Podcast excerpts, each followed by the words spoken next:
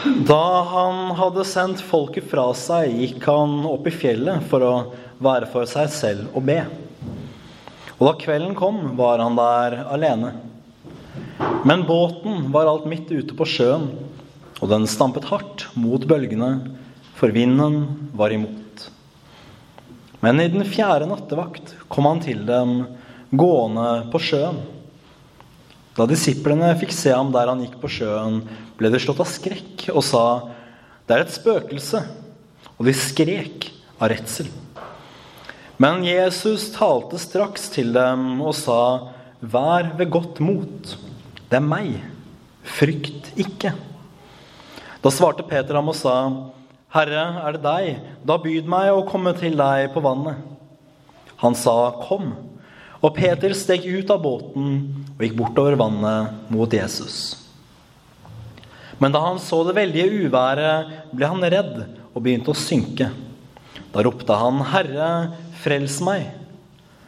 Jesus rakte straks hånden ut og grep tak i ham, og han sa til ham, 'Du lite troende, hvorfor tvilte du?' Og da de steg opp i båten, la stormen seg. Men de som var i båten, kom og falt ned for ham og sa, 'Sannelig, du er Guds sønn'. Slik lyder det hellige evangelium.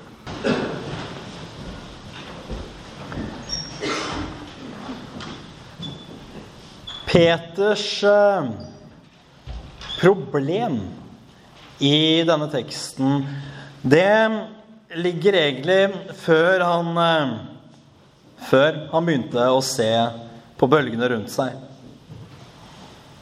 Det kan virke som om det kanskje er det som er problemet. At når Peter er på vei mot Jesus, tenker han først dette her skal gå fint. Dette klarer jeg. Det er jo tross alt Jesus jeg kan gå på vannet. Men så begynner han å se på bølgene rundt seg og synke. Men problemet hans, skal vi se, ligger faktisk litt før. Her har han altså Jesus. Selveste Jesus rett foran seg. Ikke bare kan han se ham, han har hørt ham. For Jesus har sagt 'frykt ikke, det er meg'. Og med sine egne to øyne har Peter kunnet sett. Det her er jo Jesus. Men tvilen, den sitter godt i apostelen. Hvis det virkelig er deg, si at jeg skal komme til deg på vannet. Hva er dette for en tvil som har Jesus foran seg? Kanskje bare meterne unna. Han har hørt stemmen hans, og det her er en mann som har vandret med Jesus i lang tid. Det Kjernen i denne teksten her, det er jo ikke egentlig å gå på vannet. Selv om det å gå på vannet, det er jo tøft nok, kanskje det i seg selv. Men skulle det være noen stor sak for Herren, for Jesus, å, å gjøre det, å gå på vannet? Ofte når jeg snakker med folk om eh, kristendommen Jeg har jo mange venner som ikke er troende så syns de det er så utrolig. Og av en eller annen grunn så er det ofte dette med å gå på vannet som løftes fram som det største utrolige. Vel er det ganske utrolig å gå på vann, men det er ganske mye annet i Bibelen som er vel så utrolig. Men Skriften lærer oss at ingenting er umulig for Gud. Skulle det vel være noen stor sak for Han som har skapt vannet, å gå på det? Eller skulle det være en like stor sak å la sine troende disipler gjøre det samme? Selvfølgelig ikke. For et under, en undergjerning, eller et tegn, som det gjerne kalles, de er sjeldent grunnen i seg selv. Veldig ofte så er det noe mer å hente i de tingene Jesus gjør. For ellers så hadde jo evangeliene egentlig bare vært en eneste lang fortelling av at Jesus gjorde under. Vi ser at Jesus gjorde annet enn under også. Han talte bl.a. mye om evangeliet. Så det er alltid noe mer å hente i disse undergjerningene. Men i denne stormen som blåser rundt dem, så klarer ikke disiplene å se Jesus. Jeg er ikke sjømann. Jeg eh, har vel vært en, et par ganger ute i en fritidsbåt av en middels størrelse, men å ha vært på sjøen i ordentlig storm, det kan jeg ikke skryte på meg. Men etter sigende så skal det nok på Genesaretsjøen, som var den sjøen de ofte var ute på, der kan det faktisk være ganske værhardt.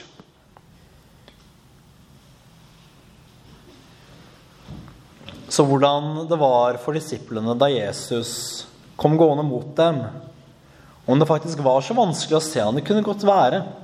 Om bølgene sto, om sjøsprøyten gjorde det umulig å se, om de kanskje var så redd for å synke i den båten som de hadde da. Jeg er jo heller ikke skipsbygger, så jeg vet ikke hvordan båtene har forandret seg nå, men jeg vil anta at det har skjedd noe fremskritt på 2000 år. Kanskje de var så opptatt av alt annet. Når de plutselig ser noen komme gående mot dem på vannet, det er ikke det første vi tenker Oi, det er kanskje han eh, vi driver og går rundt sammen med, som er Gud fra evighet av. Nei, det måtte selvfølgelig være et spøkelse. Og selv når de Ta, når han taler til dem, så tror de ikke at det er han. Det, det, det, man, man, blir jo nesten helt satt ut. Det er helt utrolig. Det er jeg, sier Jesus. Og det er også interessant i seg selv. Noen av dere har kanskje hørt det før. Hvis ikke så er det en fin tidspunkt å lære det på nå. At uh, det hebraiske ordet for Gud det oversettes ofte til uh, 'jeg er' på norsk. Og også på gresk, selvfølgelig. Men når Jesus sier ting som 'det er meg', eller 'jeg er', osv., osv. i ulike sammenhenger, så sier han på en måte implisitt, men eh, for det hørende øret for 2000 år siden egentlig ganske eksplisitt at han er Gud. Det er meg. Det er faktisk Gud som kommer gående til dere. Men for en tvil som satt i disse folka. Men for en storm det må ha vært. Når Jesus sier 'kom', selv når Jesus sier 'kom'. Peter går ut, og så merker han at han ikke synker. Det kunne vært interessant å vite hva som gikk gjennom hans hode. Når han eh, går ut på bølgene All logikk sier at han skal synke, men uh, han gjør jo ikke det. Og så begynner han å gå. Kanskje sine skjelvende skritt. Men selv da tviler han. For en vantro som bor i oss mennesker. At vi alltid ser på alt annet enn Jesus. Jesus han irettesetter jo faktisk Peter med rette. Du lite troende. Hvorfor tvilte du? Her har du den levende Guds sønn foran deg. Du sank faktisk ikke da du gikk av båten. Likevel tvilte du. Jeg synes Det er helt utrolig å tenke på at de som faktisk hadde Jesus hos seg, i det hele, i det hele tatt klarte å tvile. Men dette vitner jo egentlig bare om dybden i vår vantro, og hvor hjelpeløse vi mennesker egentlig er på egen hånd. Men også i Jesu irettesettelse av Peter så er det håp, og det er nåde. For hva er det Jesus gjør når Peter begynner å synke? Sier han eh, 'ha det bra'? Trenger ikke sånne tvilere som deg. Du kan bare gå ned til, ned til havets dyp. Jeg har tross alt elleve til. Eller når Peter roper sitt desperate rop. 'Herre, frels meg, jeg går under', strekker Jesus da ut hånda og tar tak i sin venn og reiser ham opp. Det er jo akkurat det han gjør. Og selv vi som sliter med å tro, selv vi som sliter med tvilen, vi som kan kjenne dybden i vår vantro, at vi kan tenke at også vi, om vi hadde hatt Jesus foran oss, ville tvilt. Hvordan, vi, hvordan skal vi da klare oss i dag? Også oss vil Jesus rekke ut hånden til. Og enda til når Jesus går om bord i båten, så vil stormen stille. Ofte tror jeg at uh, vi nok kanskje selv må innrømme at vi, som Peter, selv er skyld i at vi synker. Eller kanskje at vi i alle fall er skyld i stormen rundt oss. Først og fremst så tror jeg vi må kunne si dette for ikke legge all skyld for vår tidvise elendighet på Herren. Fordi tror vi på en Gud som straffer alle våre synder her og nå? Vi gjør jo ikke det. Vi tror på en nådig Gud.